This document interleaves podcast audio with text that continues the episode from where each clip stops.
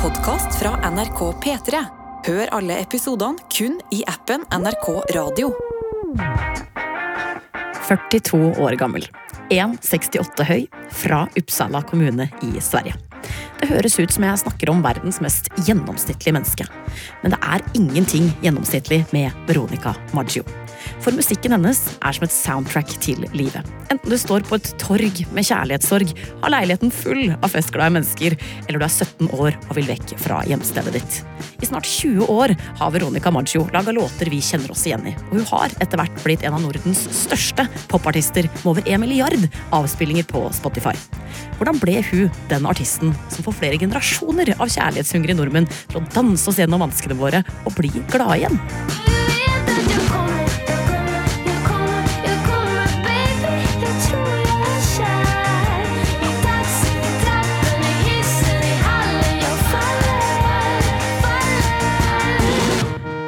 Finne ut av det, så må vi fra ei, ei svensk gladjente til en norsk gladjente og programleder i Studio P3, nemlig deg, Arian Engebø. Hva kjenner du inni deg når du hører Veronica Maggio? Åh, da blir jeg altså både glad og eh, nostalgisk. Fordi at jeg eh, tenker tilbake på alle ungdomsåra da jeg har hørt masse på og kjent på hjertesorg, men òg masse glede. Og så kjenner jeg på en frihetsfølelse, og spesielt da råderetten til å liksom styre eget liv. Uansett hvilke ups and downs hverdagen har, så klarer Veronica Maggio å føle meg oppløfta allikevel. Og denne oppløftende måten å håndtere livets opp- og nedturer på, den begynte tidlig for Veronica Maggio. Mamma ville ta en taxi men pappa var för snål så de fick värma sig i varenda trapp 1981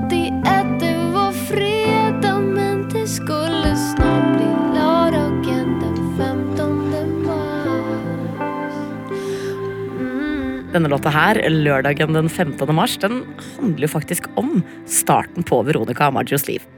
Ja, Sandra Karin Veronica Belemo ble født den 15. mars 1981. Til svensk mor og italiensk far.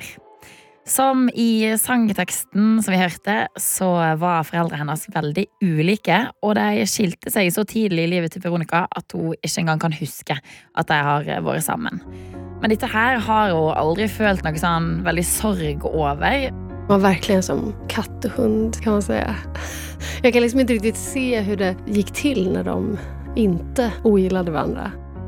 Veronica hun vokste opp eh, sammen med mora si og broren sin i ei studentleilighet i eh, Uppsala, mens søstera og faren de bodde i Italia. Selv om hun ikke følte noen sorg over denne skilsmissen, så har den jo påvirka henne og musikken hennes på en litt annen måte. Ja, altså Foreldrene hennes skilte jo seg på 80-tallet, og mm, foreldre da var kanskje ikke like bevisst på hvordan eh, forholdet deres til hverandre påvirka ungene sine. De var ofte sinte på hverandre og slengte dritt om hverandre til barna. Altså at de tillät seg selv å være ganske arga på hverandre og at det var mye sånn Ja, det skal jeg berätta for deg, hur din pappa, alltså du vet den här, så att man fikk ta mye av deres konflikt liksom. Det påverkade nog mig ganske starkt. Jeg har aldri gillat när folk er osams. Jeg vil at alle skal være glada. At man heller underhåller litt for at det skal være glad stemning, enn at folk er arga på varandra. Det sier jo ganske mye om henne som person at hun allerede som barn tok på seg den underholdningsrollen og bare ville at alle skulle være glad. Hvem var hun i oppveksten? Hun var veldig drømmende, pratsom, levde i sin egen vær og fant på mange forskjellige ting. Blant annet så lagde hun avis som fem-seksåring, hvor hun skrev og tegna bildene. Eh, Og hun har laga lekeradio, bygd masse ting. Alltid vært veldig på det med å holde på med ting, rett og slett. Har jeg rett i at dette høres litt som eh, våre oppvekster også, Arian? I hvert fall det med å lage avis og lekeradio. Altså, dette høres veldig veldig kjent ut. Ja, ja, ja. ja, ja. Em, jeg har nok lagd en del uh, lekeradio hjemme på jenterommet i Førde, jeg òg. Det har jeg, altså. Men hvorfor er det Veronica eh, dreiv med disse tingene fra så tidlig alder? Nei, Hun sier jo at hun alltid har hatt et behov for å få ut ideene hun har i hodet, og har alltid elska det å fortelle historier. Og da hun var åtte-ni år, så tok hun sjøl initiativ til å søke seg inn på musikkundervisning. Hun tok med seg et skjema hjem til mamma og sa at dette her vil jeg gå på. Dette tror jeg høres kjent ut for veldig mange. At man har kommet hjem med en eller annen brosjyre og vært sånn Jeg skal begynne på fotball eller dansing og bli proff fotballspiller eller, eller ballerina. Og eh, sånne høye ambisjoner hadde jo også Veronica for musikken allerede da. Hennes drøm det var å slå gjennom sånn som Vanessa Paradis som 14-åring. Så når det ikke skjedde, ja, da kjente hun seg mislykka. Og det er ikke så uvanlig å føle seg litt mislykka når man er i 14-årsalderen, men denne følelsen her av mislykkethet den skal prege henne også utover tenåra.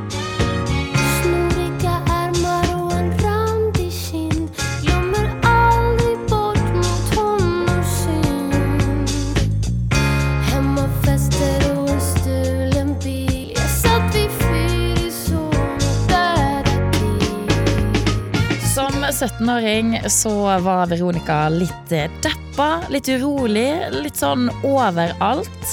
Der hun syntes det var gøy å henge sammen med, viste seg å alltid ha litt eh, trøbbel. Og hun ville rett og slett vekk hjemmefra.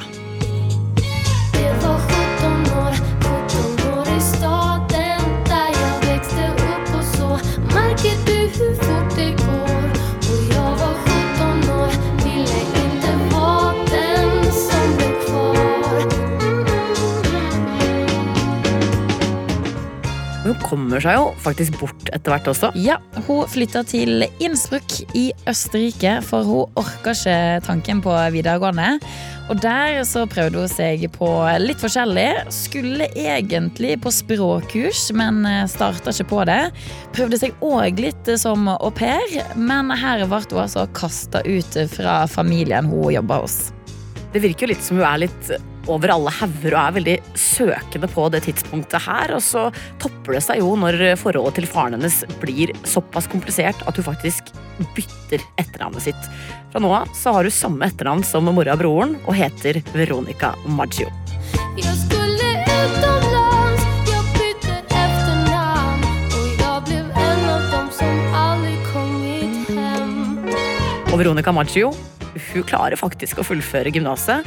Så gjør hun noe superspontant og omveltende, som også er ganske vanlig for veldig mange svensker. Ja, for hun flytter rett og slett til Oslo etter videregående. Min kompis ringde meg dagen efter studenten og var så vi skal dra til Norge, Vil du følge med? Og Veronica hun kasta seg på.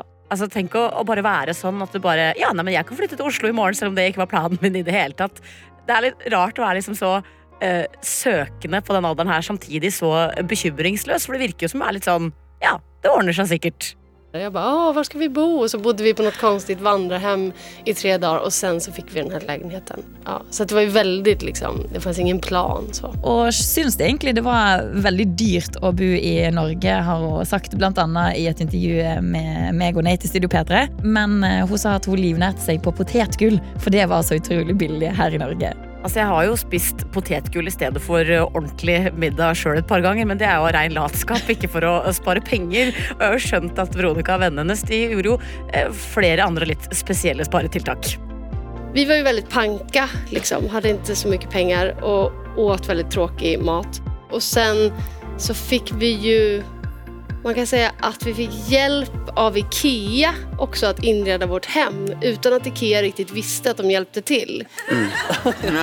Hjelp av Ikea til å inreda vårt Ja, hjem jeg- uten at Ikea visste at jeg hjalp til. du, ja, jag försöker säga det så, så lite olagligt som det går att säga det. Men vi hade alltså några vänner som jobbade på Ike- Ikea. Ehm, ni får ju ha i åtanke också att Ikea, de betalar nästan ingen skatt så jag känner att på något sätt måste de ge tillbaka till de fattiga. Ja, ja. ja. Robin Hood. då, ja, men Går det jo greit med Ikea? Ja. Men så då tänkte vi så här att vi åker dit och så de som jobbade i kassan var våra vänner och då verkade det som att de glömde att eh, liksom blippa vissa dyra Ja. varor. Ja. Och på det sättet kunde vi få eh, både liksom madrasser och täcken och kuddar. Fast vi tog de billigaste så att vi gick liksom inte överstyr. Ja. Det var inga duntekker duntäcken. så- Nej. Så det hun sier egentlig, er jo at hun stjeler det, kanskje. Ja, men egentlig ikke fra nordmenn heller, fordi Ikea er jo svensk, så jeg tenker egentlig har de vært litt, litt smarte. Og så har de jo de skal jo spare disse pengene for å faktisk spille inn en EP. Jeg forsvarer ikke stjeling, jeg bare, jeg bare sier det her at kanskje det var noe av starten på Veronicas uh, karriere, som vi jo er veldig takknemlige for. Ja, absolutt. Hensikten var jo god. Det skulle bli musikk av det hele. Men Veronica har sagt at hun til slutt i Norge endte opp med å være en partysvenske som gjorde livet surt for alle nordmenn. Jeg syns egentlig hun høres ut som en det hadde vært veldig gøy å møte på, på på byen i Oslo, men dessverre så ble hun ikke værende der så veldig lenge. Nei, for musikksatsinga den fører hun etter hvert til Stockholm, hvor hun håper å kunne slå gjennom. Men på denne tida så er hun kjæreste med en fyr som er masse mer etablert. Alle vi omgikkes med var veldig så här, drivna, duktiga. Og så begynner hun å kjenne på at alle andre er noe. Alle unntatt hun.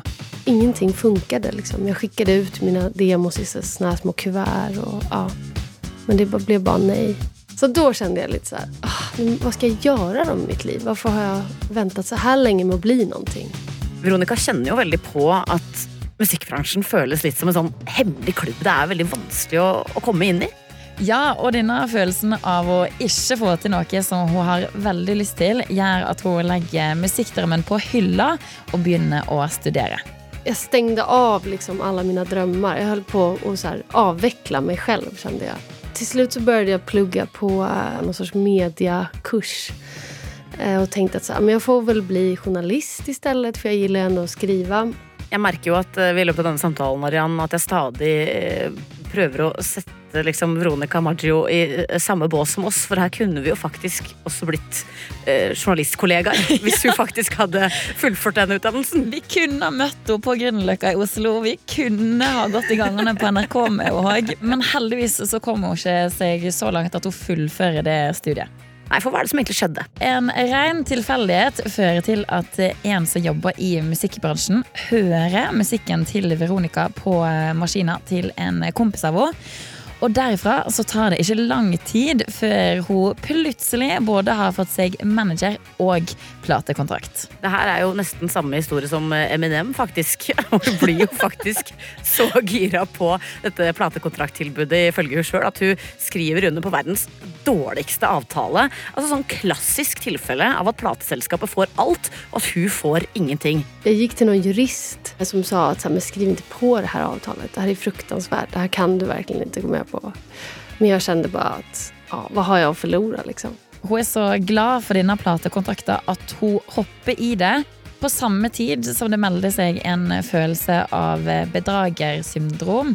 Vi kan jo alle kjenne oss igjen i den følelsen av å være i en situasjon hvor vi eh, plutselig har eh, fått til noe som vi har drømt om lenge. Og så melder det seg spørsmål som sånn Kommer jeg til å få det til? Jeg egentlig god nok? Em, kommer det til å holde det når det kommer til stykket? Og iallfall for Veronica sin del, som lenge har vært usikker på hvem hun egentlig er. Hun har jo sagt at hun låner fra andre. Um, er det nok det hun har å stille opp med nå? Det høres jo også litt eh, som om eh, denne forventninga om å underholde og, og, og, og gjøre andre glad og fylle andres forventninger fra hun var liten, også kanskje kommer litt tilbake igjen her, og at hun stadig havner i sånne konfliktfylte følelser. Men denne manglende selvtilliten, hva er det hun egentlig gjør for å få bukt med den når hun først går i studio? Nei, hun går altså i studio i lag med låtskriveren Stefan Graslund for å lage debutalbumet sitt. Der har hun som mål å ikke bare kombinere hiphop og vise, men òg få det å synge på svensk til å være kult igjen. Og høsten 2006 slipper Veronica Maggio debutalbumet sitt Vatten og brød.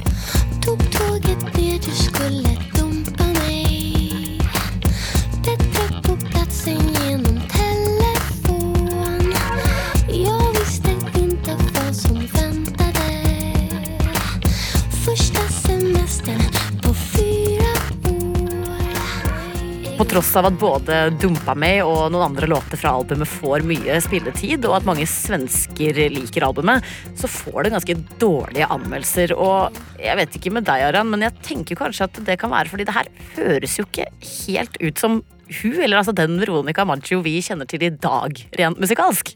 Og det er jo heller ikke så rart, for selv om Veronica har skrevet tekster hele livet, så var hun på dette tidspunktet ikke klar for å lage tekst til musikk.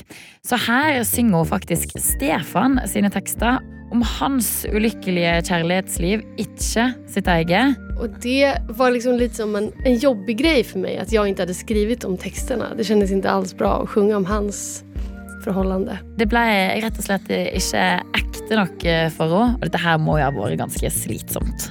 Og ikke minst Waste. Hun har jo så mye fra sitt eget liv som hun kunne skrevet eh, tekster om. Men hun har jo sagt at det gikk gjennom et slags sånn Hva vil mamma si om dette filter? Og det kjenner jeg meg så sykt igjen i. Jeg husker da sosiale medier kom, så var mamma sånn Ok, men Anna, det du legger ut på Facebook, det må du også kunne henge opp på oppslagstavla på skolen. Pappa sa alltid sånn Kan det stå på framsida i VG? Nei, Hvis du ikke kan det, så kan ikke du skrive det på internett. Men tenker du på det nå, eh, Arian? Heldigvis med ganske mange timer på radio nå, så har jeg begynt å gi litt mer faen. Og sånn var det litt for eh, Veronica også. Og miljøet hun hang i på den tida her, har hatt ganske mye å si for veien videre.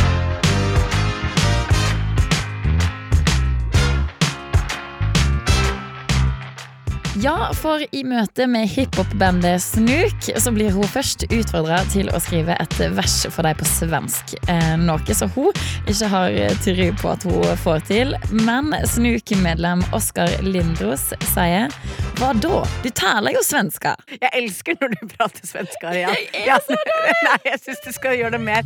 Vi tar resten av denne intervjuet på svenska, Skal vi ta Arian. resten av praten på svenska? Nå kjører vi. Nå kjører vi.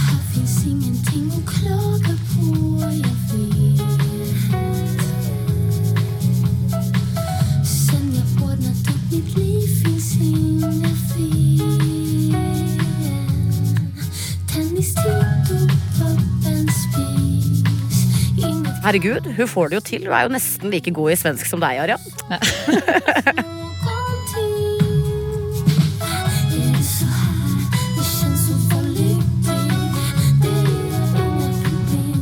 Og så blir jo Veronica og Oskar kjærester, og begynner også å skrive musikk sammen til henne. Og på en turné i Norge med Snuk, så tar hun med seg en av disse nye låtene, og så gjør hun noe veldig avgjørende. Hun testespiller denne her eh, låta for det norske publikummet, og får såpass god respons at hun tenker at det kanskje kan bli noe.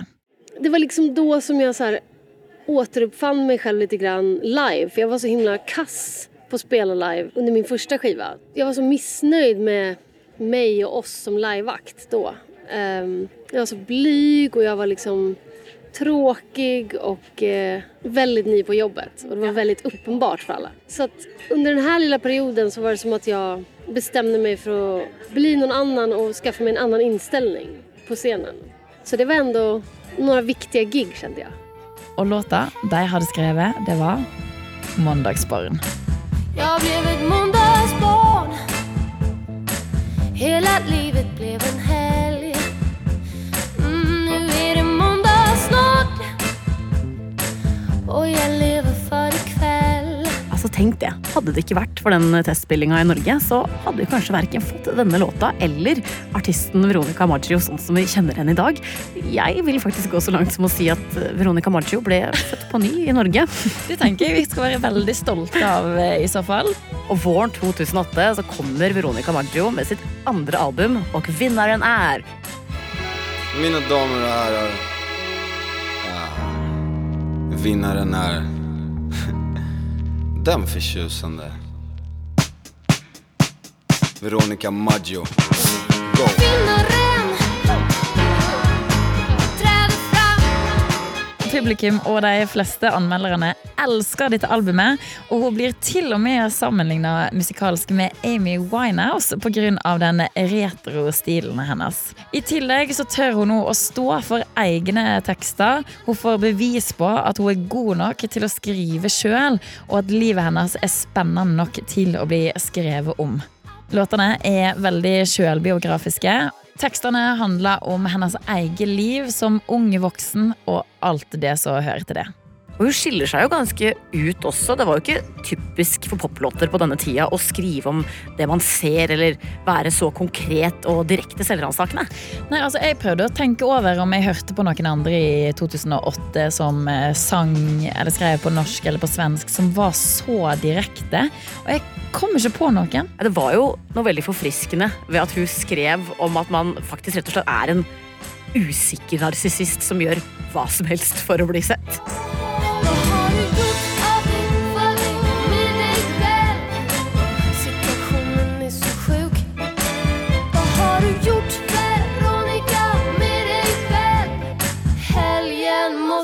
Måste Og på dette tidspunktet så jobber òg Veronica masse og gjør masse for nettopp det å bli sett og lagt merke til.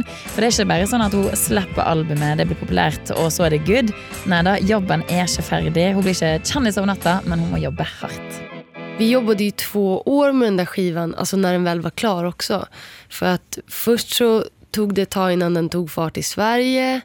Och sen så var det liksom ett år senare som Norge började gilla den och Danmark också. Så att jag bara jobbade konstant. Vi spelade hela tiden på liksom 200 venues och jobbade oss uppåt. Liksom. Det var bara spelningar och promotion och liksom allting om vartannat. I tillegg til all den harde jobbinga, så blir det også slutt mellom hun og Oscar. Og det betyr at nå må vi finne andre måter å lage et tredje album på uten han. Men det viser seg at eh, det får hun til eh, med glans. For 11. februar 2011, bare tre dager før Valentines, så slipper hun eh, singelen 'Jag kommer'.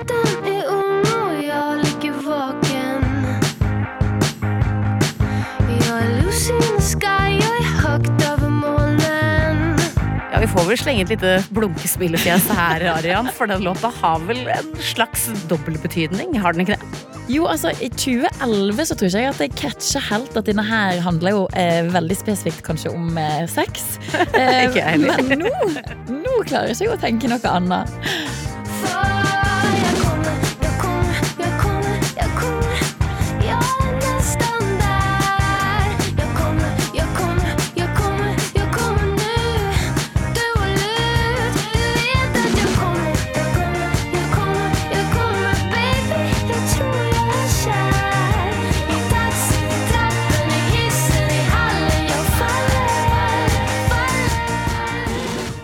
Nei, nå tror jeg den her ligger i ganske mange sine eh, liggelister. Altså folk som er på vår alder. Og eh, sånn sett så kan man nesten si at Veronica Maggio skapte en helt ny sjanger, nemlig liggehits. Ja, Låter man setter på eh, når man har lyst til å get it on. Get down to business. og det ble jo også en slags smakebit på det som ja, er hennes største album hittil. For i april samme året så kommer jo Satan i gatan. Og det går rett til topps på albumlista i Sverige.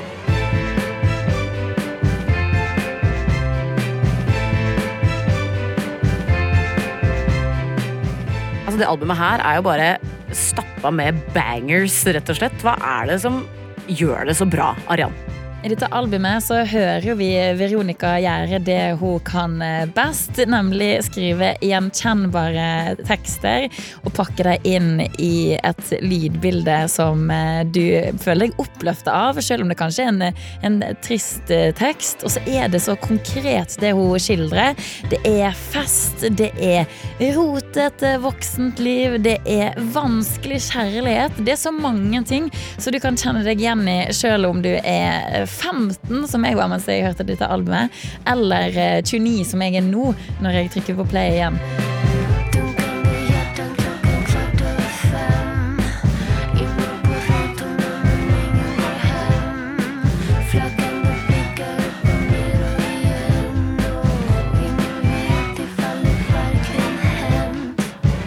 Altså, Satan i gatan er jo nesten som en slags oppvekstroman for unge voksne. Så absolutt. Og dette her eh, fortsetter hun òg med videre i eh, musikken sin. For hvert album er jo nesten som en ny bok, eller kanskje mer en film, hvor alle låtene er som scener fra livet. Og det er jo noe av suksessoppskriften hennes, at det er så lett å se for seg det hun synger om. Ja, for når jeg hører Satan i gatan, så er jo jeg i gata hun synger om. Og når jeg hører Høghus drømmer, så ser jeg for meg å springe gjennom en stor by med masse høye blokker og bare tenke på hva, hva framtida kan bringe. Og det samme er jo når jeg hører Sergels eh, torg. Da er jo jeg midt i det torget som Veronica beskriver.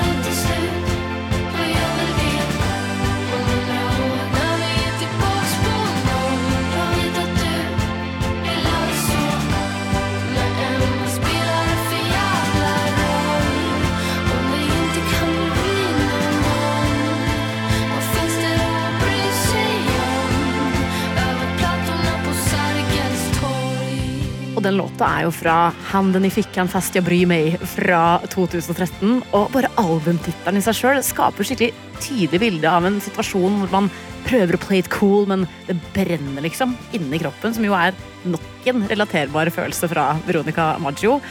Og så kan ikke jeg snakke om dette albumet her uten å nevne en låt som har lydlagt noen virkelig triste stunder i livet mitt, nemlig 'Lotsas som det regner'. Det har regnat i dagar Det regnar och det slutar aldrig Det rinner genom kragen.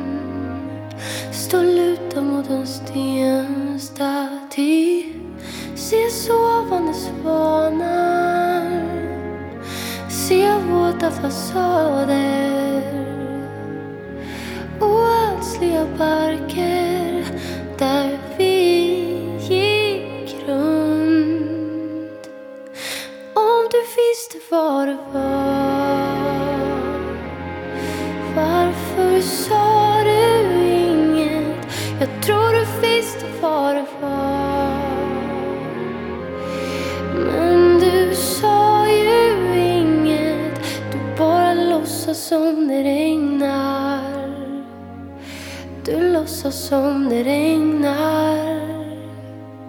Det er denne her låta du satte på når du er på vei hjem fra byen.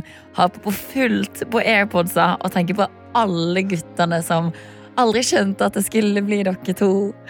Alle romanser som ikke helt gikk veien, og så bare marinerer man i den følelsen. i sin egen elendighet, Mm. rett og slett. Og det her er jo et, det er et, eh, om ikke et eh, nydelig, i hvert fall et veldig virkelig bilde som Veronica Maggio skaper. Og det er en veldig viktig del av hennes kreative prosess. Ja, den viktigste faktisk, ifølge henne sjøl, det er faktisk sånn ideene om låtene hennes starter. At hun får bilde i hodet som hun har lyst til å skrive ut. Det er vel liksom for å få ur meg noe som har hendt, eller noe jeg ser framfor meg, eller for å forsøke kapsle inn en følelse i ord. Altså fånga et minne og liksom gjøre det konkret så at jeg kan spara det og ha kvar det liksom. Eh, Det är liksom det bästa sättet att inte glömma bort en känsla eller en erfarenhet är liksom att skriva en låt om det. Og er ikke da bare konkret med tanke på hvor vi er hen, men òg på det personlige plan, med liksom små fakta, små rare tanker man kan få i sårbare, kleine og usikre situasjoner. Jeg kan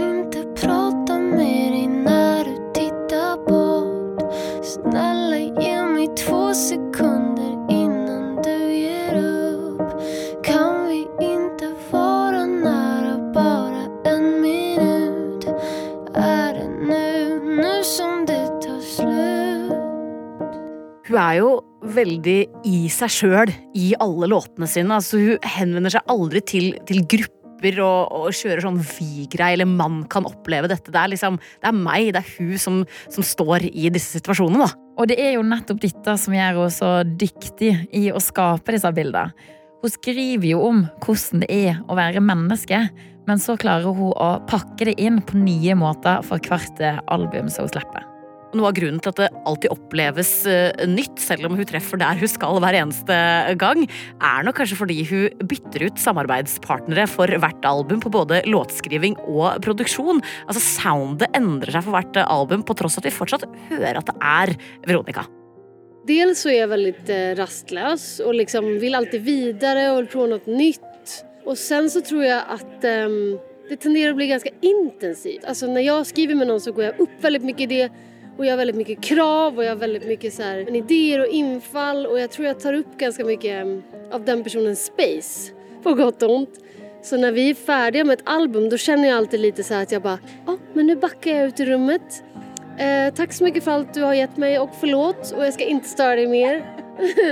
eh, och, eh, och att jag är rädd att den människan jag jobbar med ska känna så här, ah, just det, hon kan ju bara det här. Alltså, hon är inte så bra. Då är det som at illusionen eh, bryts lite för mig också. Nå er jo dette sagt med litt glimt i øyet, men det er litt rart å høre at Maggio fortsatt tviler på egne evner, eller at den der dårlige selvtilliten av og til glimter til igjen. For hun har jo hatt en helt enorm karriere i snart 20 år. Ja, og det virker som at hun er veldig omstillingsdyktig med tanke på å rette seg etter det som beveger seg i musikkverdenen.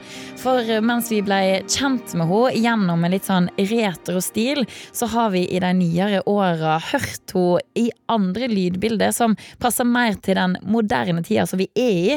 F.eks. med det nye albumet der hun var veldig på det 80s-kjøret og hadde litt sånn Blinding Lights-beats på noen av låtene sine.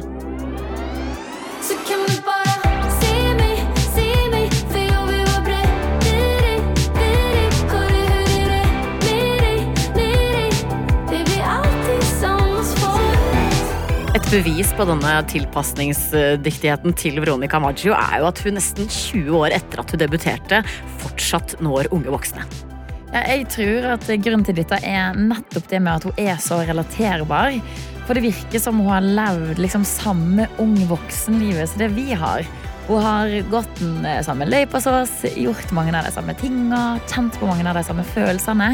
Og jeg tror det er derfor vi kjenner oss igjen i det hun synger om. Og sånn sett så er det jo heller ikke så overraskende at hun har inspirert mange andre artister heller.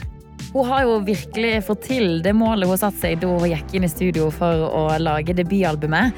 Hun skulle gjøre det kult å synge på svensk igjen, og bare se nå på Olivia Lobato og på Miriam Bryant som topper listene med nettopp det svensk musikk. Ikke bare i Sverige, men også her i, i Norge har jo hun inspirert artister. Det sier litt når Gabrielle name-dropper Veronica Maggio i en av sine egne eh, låter. Jeg lager kaffen sånn som du vil ha, spiller platen jeg hater. Hver gang du vil dra, leser tusenvis av blader for å se om det finnes noen fasit inntil deg. Du vil ha en sånn som alltid sitter helt i ro. Og du spør meg aldri hva jeg bryr meg om, om vi bare var helt ærlige her og nå. Vil jeg bare ha Veronica Maggio. Ikke bare lar de seg inspirere, de digger jo den så masse at de har lyst til å covre den òg. Og Spotify lagde jo et helt sånt løp med Spotify Sessions, der det var mange artister som kom innom for å covre låter fra Satan i gatan-albumet. Og dette har jo blitt eh, nye hits igjen.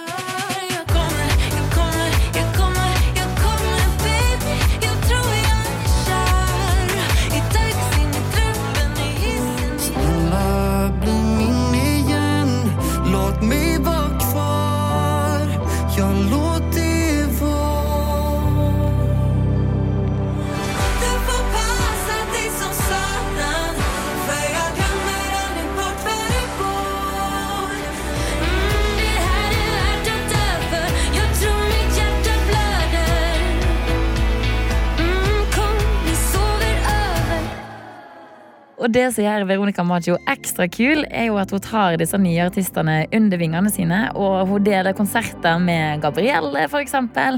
Og har òg laga musikk i lag med Miriam Bryant. De har jo faktisk eh, vært sånn hm, Har vi blitt et band nå, egentlig? Spørsmålstegn. vært litt mystiske. Det vil jeg se! Det vil jeg høre. Det, det, det bandet der er jeg faktisk veldig gira på. Tack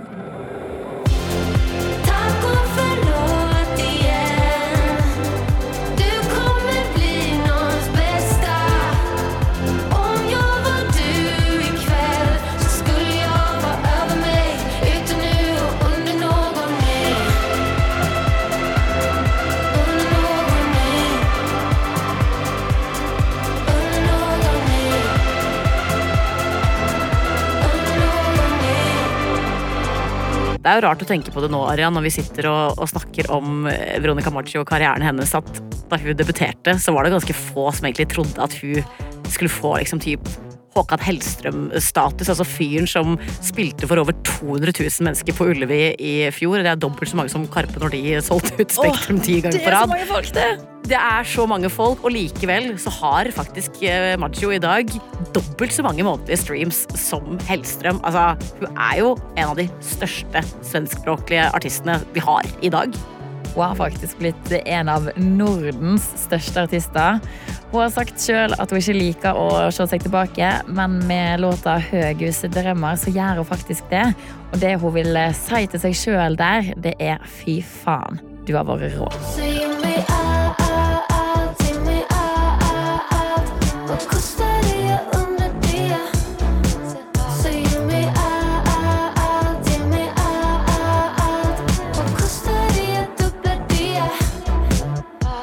Du har hørt en episode av Musikkrommet.